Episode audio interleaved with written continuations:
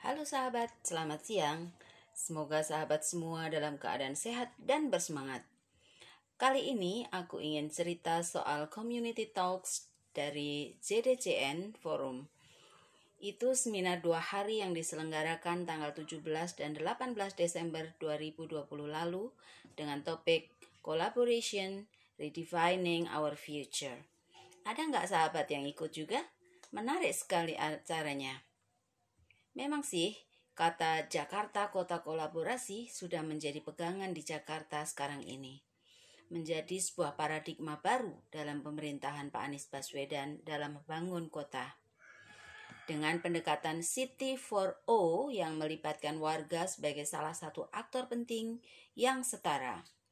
Dalam konsep ini, warga disebut co-kreator dan pemerintah sebagai kolaborator. Dalam konsep ini, warga tak dianggap melulu sebagai konsumen yang sifatnya pasif. Warga juga tak dianggap hanya sebagai pemegang hak yang diundang partisipasi hanya jika diperlukan. Tapi, di Jakarta masa kini, warga diajak berperan sebagai aktor penting, sebagai kolaborator, atau mitra bagi pemerintah. Warga bisa punya inisiatif dalam membangun dan merawat kota Jakarta Development Collaborative Network atau JDCN adalah wujud paradigma Jakarta Kota Kolaborasi itu. Saya sih merasa Pemprov DKI keren ya dalam menarasikan Jakarta Kota Kolaborasi. Di websitenya tertera tuh apa itu yang disebut dengan JDCN, yaitu jejaring mitra pembangunan lokal dan internasional Jakarta untuk merumuskan dan mewujudkan solusi pembangunan kota melalui model kolaborasi yang berkelanjutan. Dari sini kita tahu ya bagaimana semangat pemerintahan Jakarta saat ini di bawah kepemimpinan Anies Baswedan. Ada kolaborasi, gandeng tangan, gotong royong, dan kerjasama. Mengapa sebetulnya uh, Pemprov DKI di bawah Anies Baswedan merasa perlu mendorong kolaborasi atau gotong royong. Dari paparan di JDCN kemarin, terungkap bahwa gagasan kolaborasi itu muncul karena Anies Baswedan menyadari bahwa pemerintah bukanlah super body. Tentunya bukan mandor, apalagi raja yang dianggap paling tahu segalanya yang menjadikan warga semata sebagai subjek, sebagai objek. Tidak. Warga adalah manusia berdaya yang punya aspirasi, punya niat baik, pengetahuan, pengalaman, dan sumber daya yang siap bekerja sama dalam membangun dan merawat kota. Itu alasannya mengapa Jakarta memiliki paradigma baru sebagai kota kolaborasi. Itu juga alasannya mengapa Pemprov DKI Jakarta membentuk JDCN. Community Talks yang diadakan minggu lalu, tanggal 17 dan 18 Desember itu, adalah salah satu kegiatan JDCN. Di acara itu, para pembicara berbagi pengalaman berkolaborasi membangun kota.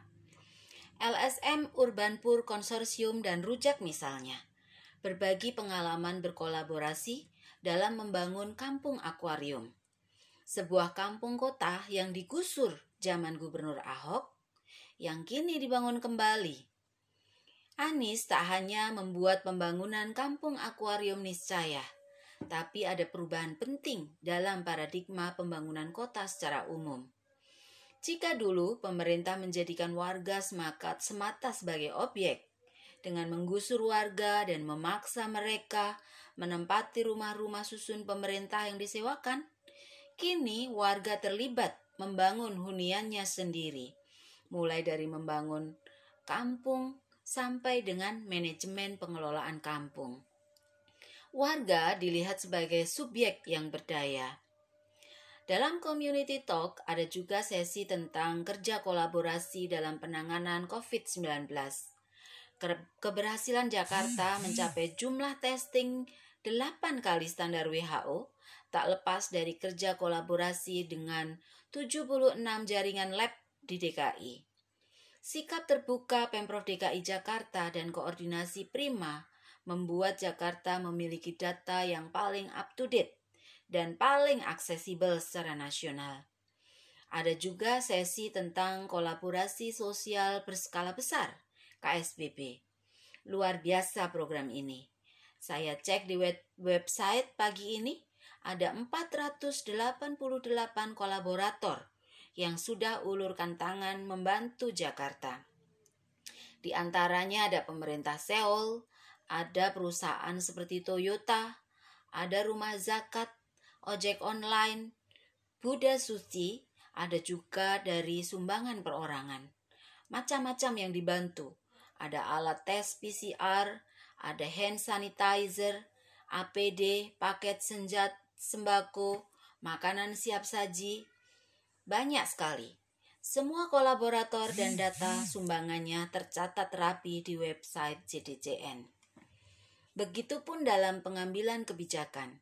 Kolaborasi menjadi kunci.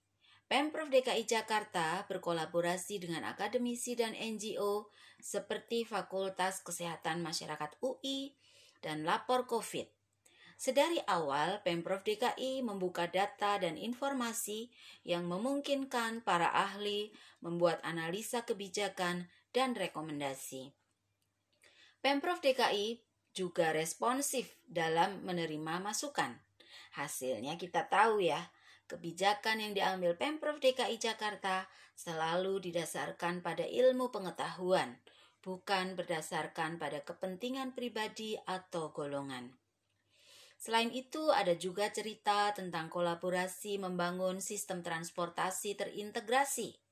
Sejumlah anak muda tergerak membuat penanda standar di halte-halte Transjakarta yang menaikkan level Jakarta menjadi kota yang ramah terhadap pemakai transportasi umum, seperti halnya kota-kota di dunia.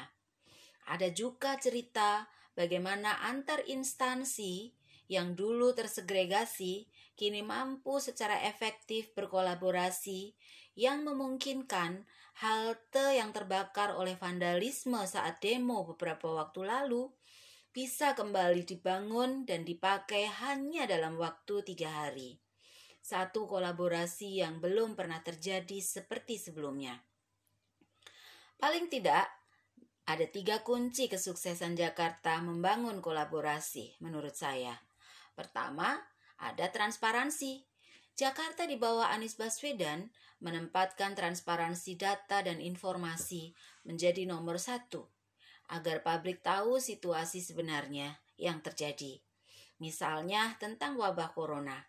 Sejak awal, Pemprov DKI Jakarta memilih bersikap terbuka dengan membuat platform corona.jakarta.go.id. Satu sikap yang pada awalnya banyak dimusuhi karena transparansi data dianggap meresahkan. Pilihan Pemprov DKI Jakarta akhirnya terli diakui tepat. Sebab dengan akses data yang mudah dan valid, para peneliti, akademisi, LSM, dan banyak sekali orang yang lain kemudian dapat mengambil, mengakses data dan menganalisanya dan kemudian justru bisa membantu memberikan rekomendasi kebijakan bagi Pemprov DKI. Aspek yang kedua adanya trust. Pemprov DKI Jakarta memilih percaya kepada publik bahwa jika publik tahu persoalan sebenarnya, mereka akan tergerak ikut membangun dan merawat kota. Kepercayaan ini terbukti benar kita tahu ah, sudah ada ratusan orang, hampir 500 orang yang telah tergerak berkolaborasi membangun, membantu menanggulangi uh, wabah Covid di Jakarta. Aspek yang ketiga adanya kesetaraan atau equality. Pemprov Jakarta menempatkan publik secara equal, setara dengan dirinya yang mereka diang memang dipercaya memiliki niat baik, pengetahuan, pengalaman, dan sumber daya untuk membangun dan merawat kota mereka. Ada perubahan paradigma di sini. Pemerintah Jakarta tak lagi memonopoli kebenaran dan narasi. dengan memilih berkolaborasi dan memperlakukan warga sebagai mitra. Begitulah wajah Jakarta di bawah kepemimpinan Anies Baswedan. Jakarta yang menempatkan warga sebagai subjek, sebagai mitra, sebagai kolaborator dalam membangun dan merawat kota Jakarta. Jakarta tak membutuhkan pemimpin bermental mandor yang memonopoli narasi kebenaran, lalu memaksa orang-orang mengikuti kemauannya. Acap kali dengan kekerasan. Yang dibutuhkan Jakarta justru adalah pemimpin yang menginspirasi, memahamkan persoalan yang ada di depan mata, lalu mendorong bersikap kreatif, inovatif untuk melakukan perubahan bergerak menyelesaikan permasalahan bersama. JDCN dibangun e, menjadi semangat e, kota kolaborasi itu. Kepemimpinan Anies Baswedan memang beda, sangat inspiratif.